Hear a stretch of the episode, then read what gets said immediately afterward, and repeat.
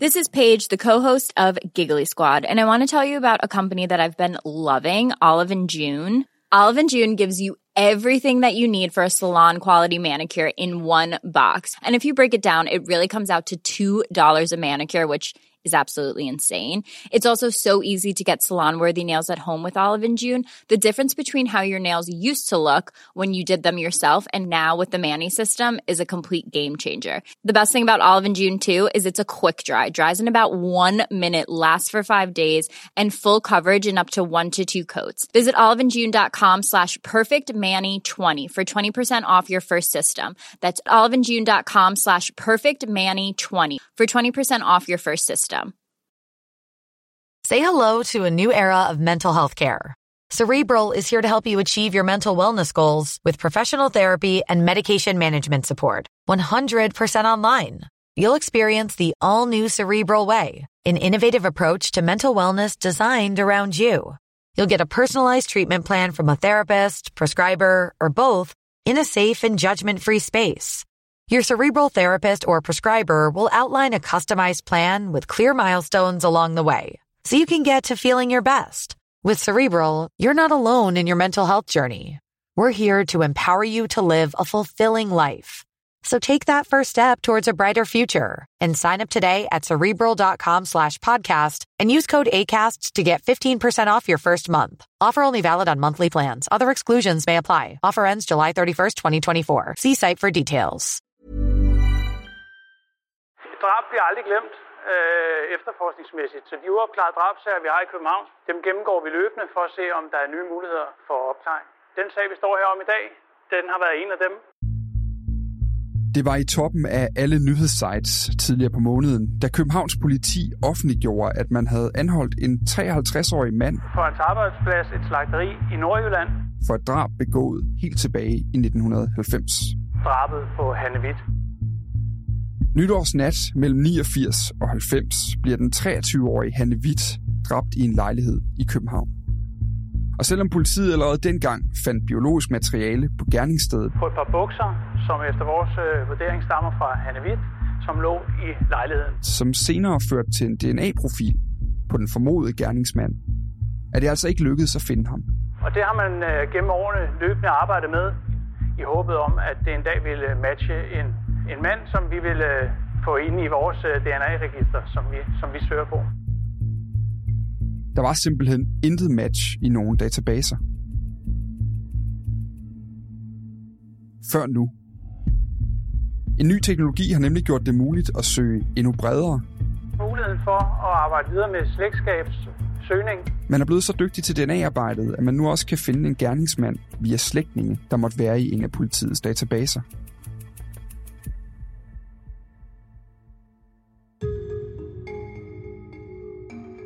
Men hvordan virker det såkaldte genetiske slægtsforskning? Hvilke muligheder giver det politiet for at opklare forbrydelser? Og følger der etiske udfordringer med det nye efterforskningsværktøj? I dag har vi i Bag om forbrydelsen besøg af en forsker fra Aalborg Universitet, der i flere år har arbejdet med og kender den her metode. Jeg hedder Dan Grønbæk. Min medvært er som altid nordiskes kriminalreporter Jesper Ramsing. Velkommen til Bag om forbrydelsen.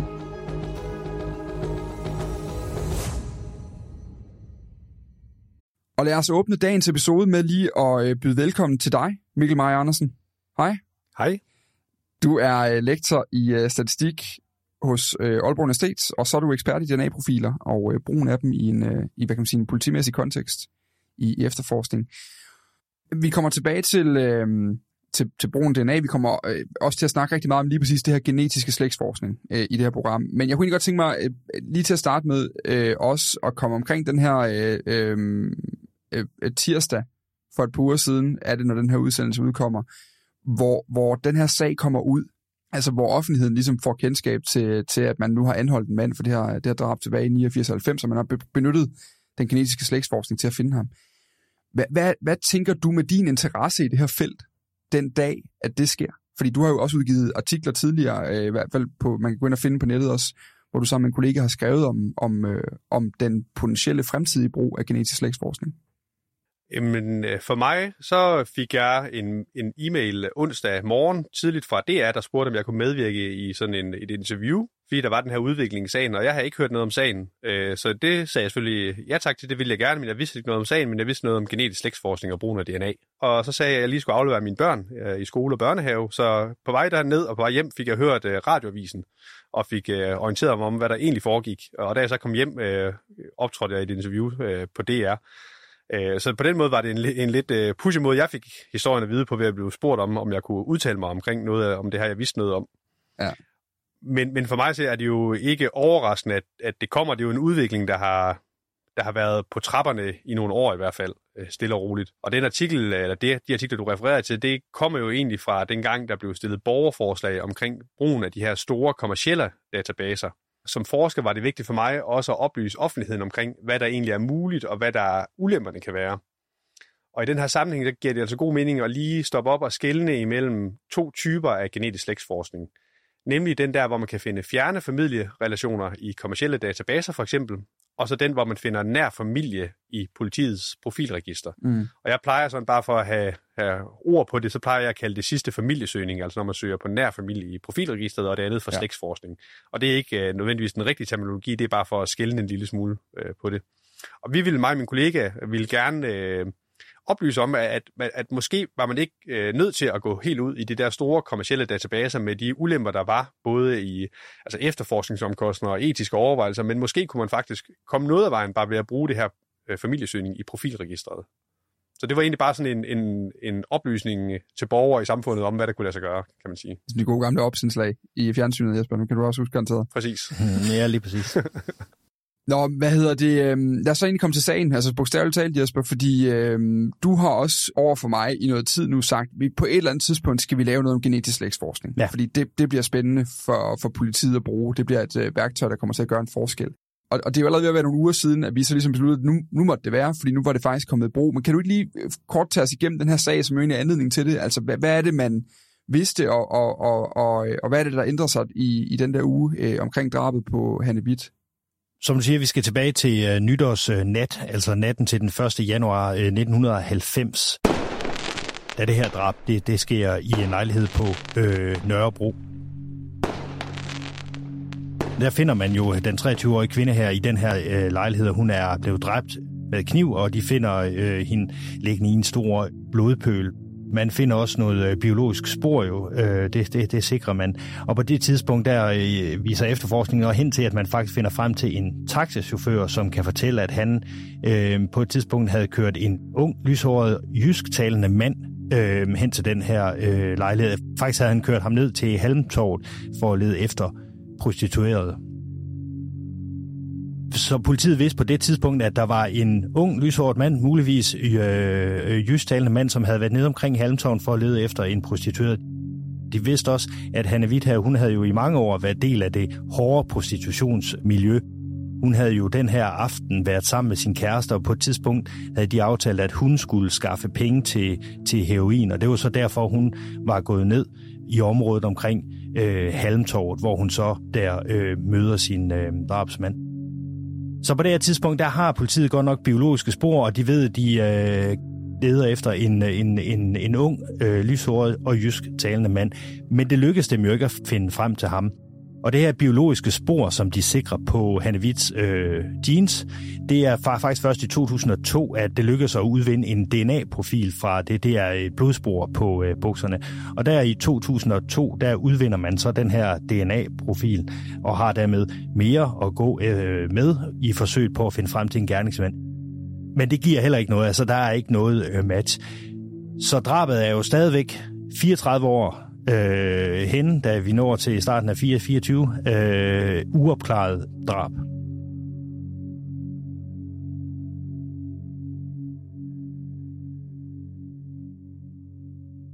Hvad var det så, der skete der? Altså, vi, mange har nok set det der pressemøde, der var inden for, for Københavns politi. Mit navn det er Brian Belling, og jeg er... Altså, hvad, hvad består... Øh, hvad er det, der sker den der onsdag? Er det jo den morgen, hvor det bliver meldt ud for politiet? Et, øh, drab bliver aldrig glemt. Jamen det er jo så der, at politiet de jo øh, løfter sløret for, at man har brugt det her, som øh, Mikkel kaldte en familiesøgning i politiets egen DNA-register, det centrale DNA-profilregister, som det hedder, hvor man simpelthen har taget den DNA-profil, man har fundet på øh, den dræbtes øh, bukser fra gerningsstedet, og så har man lavet en øh, familiesøgning i det her øh, DNA-register. I det her DNA-register, der er det jo kun borgere, som på et eller andet tidspunkt har været sigtet for en forbrydelse, der kan give mindst halvandet års fængsel, som er registreret. Men det gav et hit, og det gav så viser sig så, at det faktisk gav et, øh, eller lidt politiet hen øh, til den øh, nu mistænktes søn, og dermed så kom politiet jo så på sporet af, af den her 53-årige mand, der senere blev anholdt igennem hans søn, som øh, det var i 2018, han faktisk var øh, sigtet for en, øh, en forbrydelser i den forbindelse havde afgivet et mundskrab og, og en DNA-profil. Hvor står sagen henne nu? Altså, øh, vi, vi kan jo, jeg kan jo lige nu sige, vi kan ikke sige særlig meget om den her 53-årige mand, for der er nedlagt navneforbud i sagen. Øh, men, men hvad er status lige nu? Det er en 53-årig øh, mand, der var bosiddende i Østjylland, og blev, han blev anholdt jo på sin arbejdsplads, et slagteri i Nordjylland. Øh, han blev fremstillet i, øh, i grundlovsforhør, hvor han nægtede sig skyldig. Han afviste, at han på noget tidspunkt havde været øh, i den her lejlighed på Nørrebro. Han afviste faktisk, at han havde været i nogen lejlighed i København. Og selvfølgelig også, at han øh, havde på noget tidspunkt havde mødt øh, den dræbte. Han blev varetægtsfængslet i 27 dage, og det er også vigtigt at, øh, og i, i, i den forbindelse, i, i forlængelse af det Mikkel siger, at øh, i forbindelse med anholdelsen af ham, der tog man jo også et mundskrab af ham. Altså, det var hans slægtninge, det var hans søn, som ledte politiet på sporet af ham, og sådan øh, skabte den her begrundede mistanke mod manden. Men man tog jo et mundskrab og altså en DNA-profil fra ham, og sammenlignede med den DNA-profil, man havde fra den dræbtes bukser. Og, øh, og der oplyste politiet, at de to, de, de matchede med det der en til, øh, med en sikkerhed på en til en million, altså den højeste sikkerhed, vi øh, har i, øh, i opererer med i Danmark. Er det ikke rigtigt? Jo, bortset fra, at det ikke er 1 til en million, men 1 million, fordi 1 til en million okay. er et meget lille tal. Ja. Men det er rigtigt, det er rapporteret både af politiet selv og af andre medier, ja. og de kommer til at sige 1 til en million, men det er altså 1 million, der er den der bevismæssige vægt. Og det er, at det er en million gange mere sandsynligt at se det her bevis, hvis det er den mistænkte, der har afsat det ned, end hvis det er en tilfældig anden dansker. Og der går man jo så fra at bruge familiesøgningen i politiets DNA-database. Det var det, man brugte i efterforskningsøje med til, til at finde frem til den mistænkte tager man mundskrabet og sammenligner det med sporet fra gerningsstedet, og dermed bruger det til øh, bevis i sagen mod øh, manden. Og det synes jeg, det er en vigtig pointe, som, som kommer her. Den vil jeg gerne lige understrege igen. Altså, man kan bruge DNA både i at evaluere beviser, og man kan bruge det i efterforskningssammenhæng. Og når man bruger det i efterforskningssammenhæng, så her er der brugt familiesøgning eller slægtsforskning generelt, men man kan i princippet også godt lave, bruge DNA på andre måder i efterforskning. Så for eksempel hvis man har et blodspor på et gerningssted, man tror, der stammer fra gerningsmanden af, så kan man faktisk også godt forsøge at etablere en form for signalement af manden, altså måske udtale noget omkring øjenfarve og det, man kalder genogeografisk oprindelse og hårfarve og andre ting. Og igen kan det så hjælpe med at indkredse de der mistænkte, man skal lede efter. Men når man så har fundet en mistænkt, så tager man netop, som der bliver sagt, en referenceprøve og sammenholder det med beviset, og så overgår man til at bruge DNA som bevis i stedet for som efterforskningsværktøj. Og det er ret mm. vigtigt at skelne de der to ting, så man, bare fordi man er en mulig mistænkt fundet ved hjælp af DNA, betyder det ikke, at man ikke bruger de der sædvanlige DNA-bevisværktøjer. Det gør man altså stadigvæk, og det er en væsentlig pointe. Mm. Det, er det, der vil, det er det, der vil blive præsenteret i retten senere, kan man sige. Godt, men det, det er i virkeligheden en ret vigtig pointe, fordi jeg, jeg tror egentlig, vi godt lige kan tage forskud på et spørgsmål, jeg havde gemt til senere, øh, Mikkel. Vi lige kan tage kort nu her, fordi du har nærmest allerede svaret på det. Måske sidder nogen derude og tænker, at det her det er, det er sådan en, en ny type bevis, eller noget, der kan være noget, på en eller anden måde eksperimenterende øh, materiale, men det er det jo ikke, fordi det er jo den sædvanlige DNA som bevis, man bruger fra nu af, fra det øjeblik, man har manden, man kan teste og holde op imod referenceprøven. Det er rigtigt forstået. Det er, ja, man bruger øh, DNA-referenceprøve fra en mistænkt og sammenholder med, hvad man har fundet på gerningsstedet. Ja. Øh, hvordan man har fundet den mistænkte, kan jo selvfølgelig også godt være relevant for sagen, men, men om man har fundet den mistænkte ude fra øjenvidenberetninger eller andre vidner, eller man har fundet vedkommende ude fra, fra DNA-slægtsøgning, er i princippet, der kan være nogle små nuancer, men i princippet øh, for mange hensyn ligegyldigt. Ja. Altså det er det faktum, at den mistænkte eller en mistænkt passer med det DNA, der er fundet på gerningsstedet, der er inkriminerende over for vedkommende. Mm. Og samtidig i den her sammenhæng skal vi selvfølgelig sige, at man godt kan afsætte sit DNA på et gerningssted, uden man har nødvendigvis har begået en forbrydelse. Så DNA står jo heller ikke alene. Man skal have en eller anden øh, forklaring med, eller flere beviser i hvert fald, hvorfor det så skulle være vedkommende, der har begået forbrydelsen også. Ja, det er en del af en samlet bevisførelse, der vil finde sted i, i retten senere, kan man sige. Ja, præcis. Øhm, det, men det var egentlig sådan en vigtig point at sige, fordi så meget af det, vi snakker om her nu, er egentlig en ny, et nyt efterforskningsværktøj. Det er det, der er, det er det, der er det rigtig interessante i det her. Det er også det, du har gået og snakket om i noget tid, Jesper, at der kunne være interessant for, for politiet øh, i de her sager her, som, øh, som man jo, som jeg mener, han hedder Brian Bellingham, der øh, udtalte sig, vicepolitiinspektøren ved Københavns øh, politi, sagde, at, øh, at det er jo simpelthen en, en måde at kunne gå tilbage og kigge på de her gamle sager, øh, og så måske kunne komme videre med dem. Sidste år der fik vi i Københavns politi muligheden for at arbejde videre med slægtskabssøgning, og det førte øh, i slutningen af 23 til, at, øh, at der var et match øh, på, på en øh, meget tæt på vores spordel. Men Mikkel, jeg kunne godt tænke mig, vi, vi skal jo lige blive lidt klogere på, hvordan man egentlig gør, altså hvordan den her metode fungerer. Øhm, og, og i det her tilfælde har man jo, som vi var inde på øh, lidt tidligere, det der med, at man har haft, man har fundet noget materiale dengang på gerningsstedet, på et par bukser, som man så har forsøgt at analysere senere, og, og, og mange år senere får man lavet en, en decideret DNA-profil, man så ikke har haft et, et match til. Hvad er det, der er, er anderledes nu, hvis du skal kigge på metoden? Hvordan er det, man gør det her? Nu bliver vi nødt til at blive en lille smule mere teknisk, end vi har været tidligere. Og hvis man skal prøve at forklare den der profilsøgning, man kan lave i sådan et DNA-profilregister, så kan man tænke på det som om, at et barn har jo, to dividutter på sådan en DNA-markør. Og det er fordi, at barnet her har en dibidut fra moren af og en dibidut fra faren af. Men faren og moren har jo også to dibidutter på den her DNA-markør. Og nu snakker jeg om en DNA-markør i virkeligheden, så bruger man flere. I dag bruger man cirka 16 i Danmark. Øhm, men lad os bare snakke om en dibidut, eller en markør ad gangen. Så altså alle har to dibidutter på en DNA-markør, og moren giver sig en af dem tilfældigt videre, og faren giver en af dem tilfældigt videre. Så det betyder, at hvis man sammenligner en far og en søn, så vil barnet have en øh, til fælles med sin far og en til fælles med sin mor. Og det kan man så udnytte i sådan nogle søgninger, hvor man egentlig har en profil på en person af interesse, man gerne vil søge i. Og det man så plejer at søge på, det er at sige, at den skal matche på begge debutter i de andre profiler, kan man sige, så man får en eksakt match. Og det kan man løsne op på forskellige måder. Og en simpel måde at gøre det på, det er at sige, at man vedkommende skal passe på præcis én dividut på tværs af alle, og så vil man kunne øh, finde et forælder til, til det, man søger på det er vigtigt at sige, at det er faktisk ikke nødvendigvis sådan, man laver søgningen, fordi der kan være forskellige grunde til, at man ikke vil det. Øh, og så bliver det lidt mere teknisk igen. Men når man lige nævner som sidebemærkning, at der er en lille risiko for mutationer, så den dividut, faren giver videre til sønnen, kan godt mutere en lille bitte smule, så ikke den ligner helt længere. Og det er sådan nogle små ting, som man er nødt til at tage højde for, i, øh, når man skal lave de her søgninger. Og det kan man også godt, men der findes forskellige strategier for, hvordan man skal gøre det på en fornuftig måde, og det er blandt andet mm. noget af det, der gør, at der er forskning i området, det er, at man skal finde nogle gode måder at gøre det på. Mm. Men altså, det betyder, at man med sine forældre deler en dibidut, og det, på den måde kan man så finde frem øh, til øh, en mulig far, for eksempel i registret. Så lad os sige, at der er en søn, der har begået en forbrydelse. Hans DNA søger man på i profilregistret. Han er der ikke hans egen profil, men nu siger man, at den behøver ikke at matche på begge dibidutter. Den må matche på en af dem. Så finder man så potentielt hans far der i eller mor. Det man så gør med vedkommende, man finder i DNA-registret, det er, at man så laver en lille slægt for vedkommende, altså man kortlægger vedkommende slægt, og fordi man ved, at man kun finder nærslægtninge, så kan man jo nøjes med at sige, jamen, hvem er dine forældre, og hvem er dine børn? Og måske søskende. Og så går man ellers rundt og, og kigger på, om det var nogle af dem, der kunne have afsat sporet. Og når man så finder en, en mulig der, der kunne have afsat sporet, så er det netop, at man tager sådan en referenceprøve for vedkommende, og så ser, om der er en eksakt match det jeg forstår, det nye i den her måde, man har gjort fra sagen over i København, hvor man har fundet frem til øh, den mistænkte igennem hans søn, som var i øh, politiets DNA-register, det er, at før der har man øh, taget sporet fra øh, gerningsstedet og søgt i DNA-registeret på et præcis match, altså om den mistænkte, den formodede gerningsmand, var i registret. Nu folder man vingerne lidt ud og søger lidt bredere, og så er det derfor, man får øh, slægtninge frem. Det er rigtigt forstået, ja. ja.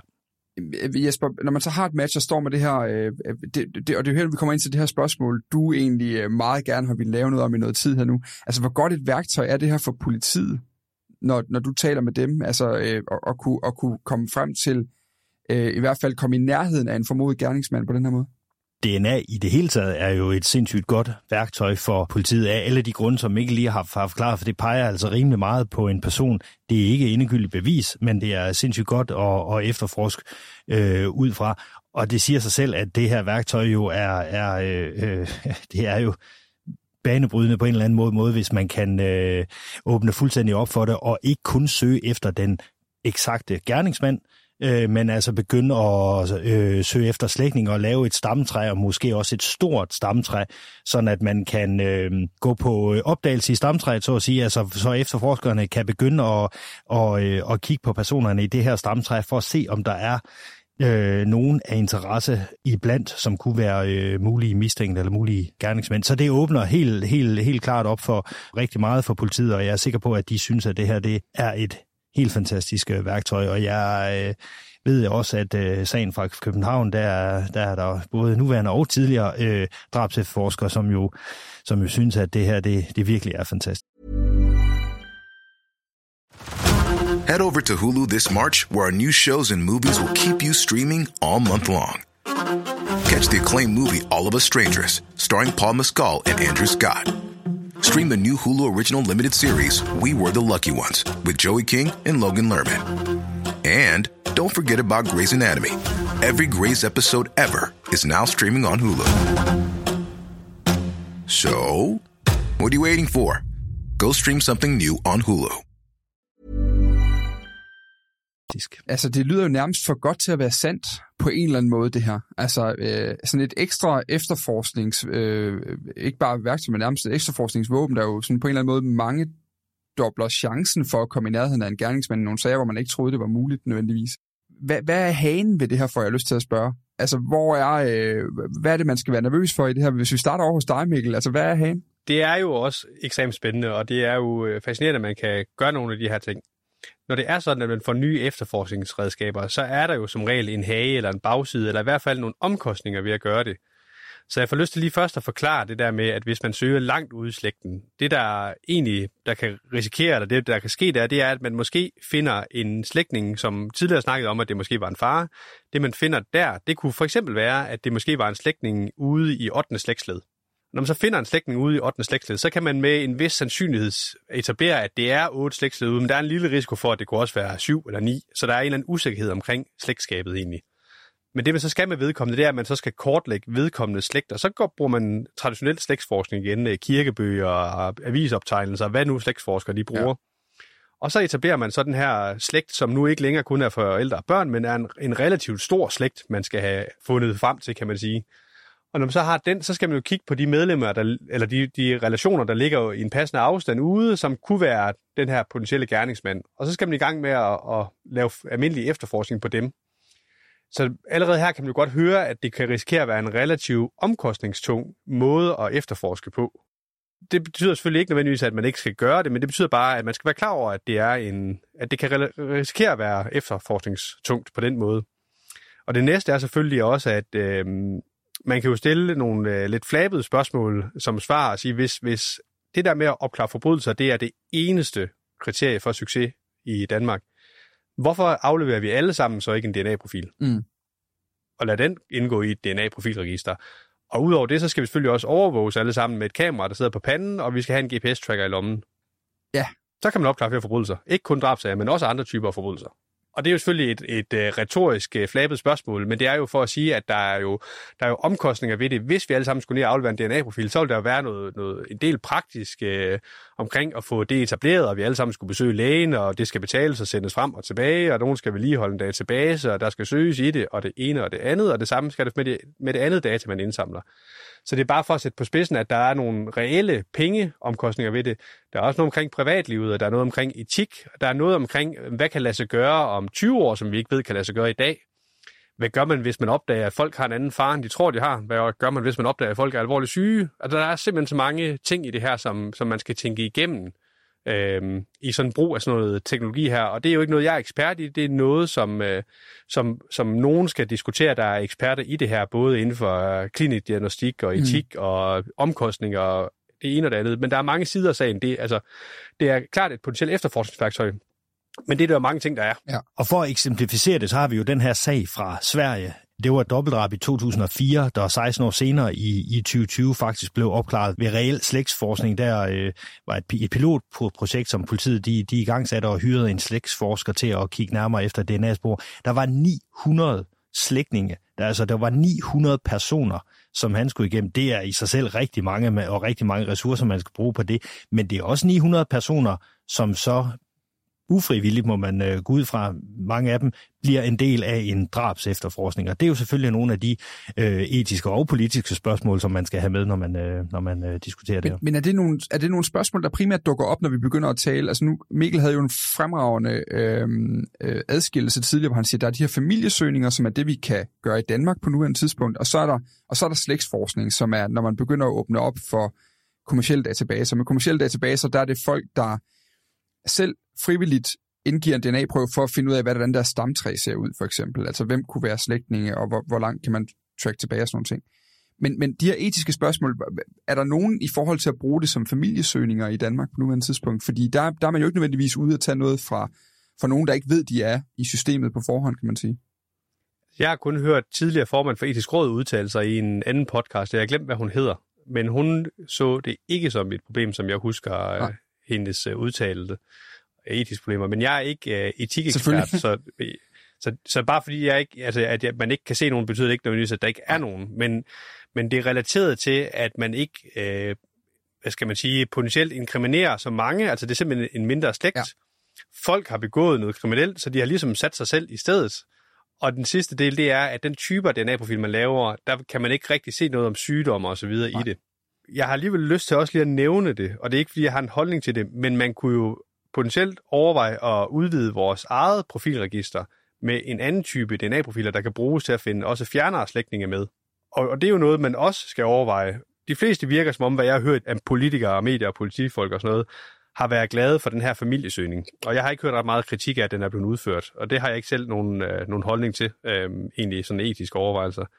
Men derfra og så gå til en decideret slægtsforskning efter fjerne slægtning i en kommersiel database, der er alligevel noget af et stykke vej. Og det jeg så bare siger, det er, at der er altså også en mellemting, som man også bør diskutere, synes jeg, uden jeg egentlig selv har en holdning til det. Og det er nemlig det der med at udvide vores profilregister med andre profiler, som kan bruges til at finde fjernere slægtninge med. Mm. Udmærket. Det er jo egentlig også mest bare, bare lige for sådan at, at netop adskille tingene øh, fra, fra, fra, fra brugeren ud at sige, der er mange, de, altså selvfølgelig, i det øjeblik, du begynder at lave slægtsforskning, så er det der omkostningerne for alvor bliver store, fordi du kan stå med de her netop 900 øh, slægtninge, som man skal kigge igennem i, i kirkebøger og, og hvad man ellers har af traditionelle slægtsforskningsværktøjer.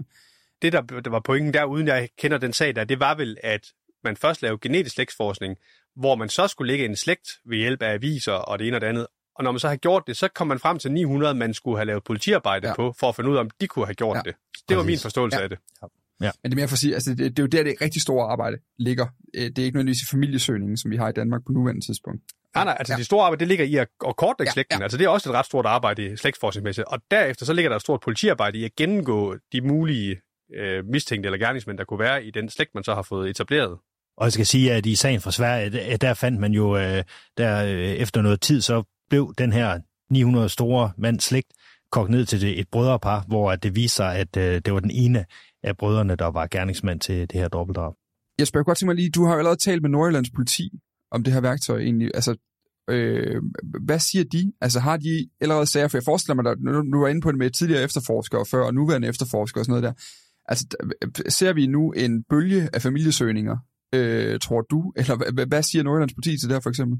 Ah, bølge er nok for meget sagt, for det kræver jo, øh, at man har en grund til det, og nu har vi heldigvis ikke så mange uopklarede drab i Nordjylland, men, men, men vi har dog et, som er, er oplagt, og det siger politiet også, at det er helt oplagt, at man i hvert fald lige undersøger, om der er mulighed for, eller om det giver mening at foretage sådan en øh, familiesøgning her. Og det er øh, drabet i Østre Anlæg tilbage i, i 1996 øh, på øh, Carmella, fordi i den sag, der har man jo faktisk et, øh, et DNA-spor, som man også flere gange, i takt med at DNA-teknologien har udviklet sig, har taget frem igen og undersøgt på ny, for at se, om det kunne lede politiet på sporet af en, øh, en gerningsmand. Så, så politiet siger lige præcis, den helt konkrete sag, der er det selvfølgelig oplagt at vurdere, om, om man skal øh, gøre ligesom Københavns politi og lave en slægtsøgning i politiets egen DNA-register. Og, og nu er I jo netop inde på noget af det, der, der sådan ligesom er næste skridt i det, og det er, at man åbner op for de her kommersielle databaser, øh, vi kunne være inde på tidligere. Hvad, hvad er perspektiverne i det? Der, der tager man hul på et relativt stort område, og der er nogle ting, der synes, at der også er vigtigt at få på plads i den sammenhæng. Altså, der findes flere store af de her kommersielle spillere på markedet, og det, man skal selvfølgelig sikre sig, det er, at de individer, der indgår i det her, nogle gange så kan man populært kalde dem sådan nogle genetiske vidner, altså nogen, der lægger sine profiler ind, at de faktisk også har lavet sådan et, øh, et velinformeret samtykke omkring, de godt ved, hvad de kan bistå med som genetiske vidner. Og tidligere har det været lidt øh, uklart, om det var tilfældet, og i dag der findes der nogle af de her kommersielle genetiske databaser, databaser, hvor man kan tilvælge sig aktivt, at man gerne vil være sådan et genetisk vidne, og ens profil kan, kan indgå i sådan nogle efterforskninger. Og så er der andre, hvor man ikke kan lave sådan en, en, øh, en aktiv øh, tilvælgelse af det. Og øh, min forståelse i Danmark, det er, at man forsøger at, eller vil i første omgang fokusere på dem, hvor, man, hvor deltagerne har lavet sådan en, et aktivt tilvalg, og hvor de er klar over, hvad det skal foregå. Og de databaser, de er ikke så store som nogle af dem, hvor deltagerne ikke aktivt har valgt det. Men dem, der er meget, meget store, efter hvad jeg ved, så er det ikke rigtig muligt for Danmark at komme til at, at bruge dem. Og jeg ved ikke, om man i USA måske skal have en dommerkendelse, eller hvordan det rent lavpraktisk foregår. Det, så godt er jeg ikke nede i materien, hvad det angår. Men, men så der er, nogle, der er ligesom nogle, øh, der, der, der er nogle rettighedsmæssige ting, der skal afklares, før man vil kunne, øh, kunne gå i gang med det? Det er der, så man skal selvfølgelig sikre sig, at, at dem, der har sagt ja til det, også godt ved, hvad, der, hvad det kan bruges til. Det er vi jo i Danmark heldigvis ret øh, vågne omkring, og det er, jo rigtig, ja. det er jo rigtig godt. Dernæst så er der jo selvfølgelig en masse teknik omkring, hvad gør man så? Altså noget af det, øh, hvis man finder en fjern slægtning, så skal man jo have kortlagt slægten, og der er man jo i Danmark heldigvis beriget af kirkebøgerne, som, øh, som også er i gang med at blive digitaliseret, og man forsøger at lave den her Danmarks slægt og så videre, hvor man egentlig kan få gjort nogle af de her slægtsforskningsting lidt mere automatisk måske. Men der er stadigvæk rigtig, rigtig mange overvejelser omkring det, og i virkeligheden tænker jeg også, at, at politiet øh, skal tage stilling til, hvor mange øh, efterforskningsressourcer man, man smider efter det, og til hvilke typer sager man vil bruge det i. Mm. Den måde, det er gjort på i Sverige, som der blev nævnt, det er, at man har lavet sådan nogle forsøgssager, og det tror jeg også, det er det, man har gjort faktisk i Nederland og i New Zealand måske, øh, uden at er 100% sikker. Og det vi har tro, det er det, man også gør i Danmark, at man udvælger en eller to sager, hvor man prøver det på at se, hvordan det så går det er virkelig, virkelig spændende, og særligt når man kigger i de helt store perspektiver, hvad der kan, hvad der kan være muligheder, i hvert fald i det rent øh, efterforskningsmæssige. Men, men det er øh, selvfølgelig også, øh, det er ikke, ikke sort og hvidt på en eller anden måde. Jeg tror, det er meget øh, vigtigt at få sat fast til til sidst. Altså, der, der er mange ting, der skal afklares i det her. Bare fordi noget det er muligt, ja. så, så øh, bliver vi hurtigt fascineret af det. Ja, lige præcis. Og som jeg også øh, lidt flabet nævnt tidligere, altså hvis det eneste kriterie det er at løse forbrydelser, så er der jo mange værktøjer, vi kan forsøge at gøre det med. Ja. Og, og den der afvejning af, om man vil have total overvågning, eller hvad vi vil, den er relevant, og det er noget, vi som samfund også skal have taget stilling til. Jeg tror, de fleste er enige om, at morsager er nok udmærket, men man kan jo gå ned af rangstigen stille og roligt i sådan noget forsøg at kategorisere forbrydelser efter, hvor, hvor slemme de er. Og øhm, altså, hvor langt skal man gå ned? Vil man bruge det til indbrud? Ja. Hvad nu, hvis man har observeret, at den gerningsmand, der har begået det her indbrud, måske også har begået 20 andre indbrud, vil man så? Ja. Voldtægtssager, overfald, øh, altså der er jo alle mulige sådan en skillen, man skal, have, skal tage stilling til, hvornår man vil, øh, vil kaste det her relativt store våben efter det. Ja, med de, med de implikationer, der kan være ved, at, man, at der er rigtig mange mennesker, der skal, der skal ind i processen. Du sagde tidligere, Jesper, det med at blive en del af en, af en efterforskning, selvom man ikke, øh, nødvendigvis øh, på nogen måde har givet tilsavn til, at ens, øh, ens DNA kan bruges til det. Det er jo vigtigt at understrege jo her, at det, den her mulighed for at øh, kunne bruge de der kommercielle store øh, databaser her, er jo ikke en realitet nu. Folketinget har jo sagt ja til et øh, borgerforslag. Det er jo det, der ligesom sat øh, med gang, i gang i det hele borgerforslaget fra en Københavns drabs efterforsker i øvrigt, som jo foreslog, at man skulle i øh, efterforskningsøje med kunne øh, bruge den her genetisk øh, slægtsforskning. Borgerforslaget har Folketinget nikket øh, ja til, men lovgivningen, som skal åbne op for, at politiet så rent konkret kan gå i gang med arbejdet, den er altså ikke på øh, plads nu. Da man sagde ja til det borgerforslag, der, der, der var der jo fuldt også nogle krav med. Nu nævnte du, hvilke typer forbrydelser. Altså, det er de mest alvorlige forbrydelser, hvor man kan bruge det, altså drab og, og voldtægt osv. Der var også krav om, at der skulle være en, øh, en, øh, en øh, dommerkendelse. Så der er allerede nu, inden lovforslaget er på plads, opstillet nogle krav, øh, retssikkerhedsmæssige krav til, øh, hvornår og hvordan politiet de må bruge, øh, eventuelt må komme til at bruge slægtsforskning som efterforskningsmetode. Det var altså en, øh, en, en, jeg vil sige, en kort indføring, øh, selvom den øh, måske blev lidt teknisk. Jeg synes, det blev, øh, håber, det har været til at forstå hele vejen igennem. Øh, men det var en kort indføring i det her nye værktøj, øh, som politiet har fået øh, adgang til i hvert fald i, i noget omfang endnu, og de perspektiver, der kan ligge i næste skridt. Mikkel, bare lige her til sidst, så kunne jeg godt tænke mig lige at spørge dig ind til, altså du sagde før, at du havde været på konference for 10 år siden, hvor man havde siddet og snakket om genetisk slægtsforskning, øh, og havde peget frem mod det, og her står vi så i dag i Danmark. Hvad, hvad er sådan det næste, man inden for dit felt kigger frem mod? Jamen, der skal jeg rigtig, rigtig mange spændende ting, og det kan jo være lidt svært at afgøre præcis, hvilken af de her ting, man kigger på, der bliver det næste, så at sige. Men nogle af de ting, man kigger på, det er for eksempel analyse af spor, hvor de ikke indeholder de her lange fragmenter af DNA, som man typisk kigger på i dag. Ikke alle sammen i hvert fald. Øh, og finde ud af at analysere sådan nogle hår, for eksempel fra, fra, fra gerningssteder eller fra, fra gerningsmænd. Og der er andre ting også, men det kunne være en af dem. Det kommer vi uh, formodentlig til at følge, men lige så meget spænding og skulle have forklaret uh, i lidt tekniske termer igen om uh, måske om 10 år igen. Så må vi, uh, må vi tage den til den tid i uh, podcasten, hvis vi stadig hænger ud her. Men uh, i hvert fald, det var det for dagens uh, episode. Vi er tilbage igen næste uge, hvor vi skal snakke om den her uh, Carmella-sag, som altså kan være en af de sager, som uh, Nordjyllands politi kunne, uh, kunne tænke sig at have lyst til at prøve det her genetiske slægtsforskning af i vi øh, er altid at fange på den mail, der hedder podcast hvis du har spørgsmål, øh, hvis der er noget, du godt kunne tænke dig at vide mere om. Og så har vi altså heldigvis også en gang imellem adgang til øh, så kloge folk som øh, Mikkel Meyer Andersen, der kan hjælpe os med at blive klogere på de ting, vi ikke selv kan svare på der. Vi er tilbage igen om en uge, og øh, vi lyttes ved.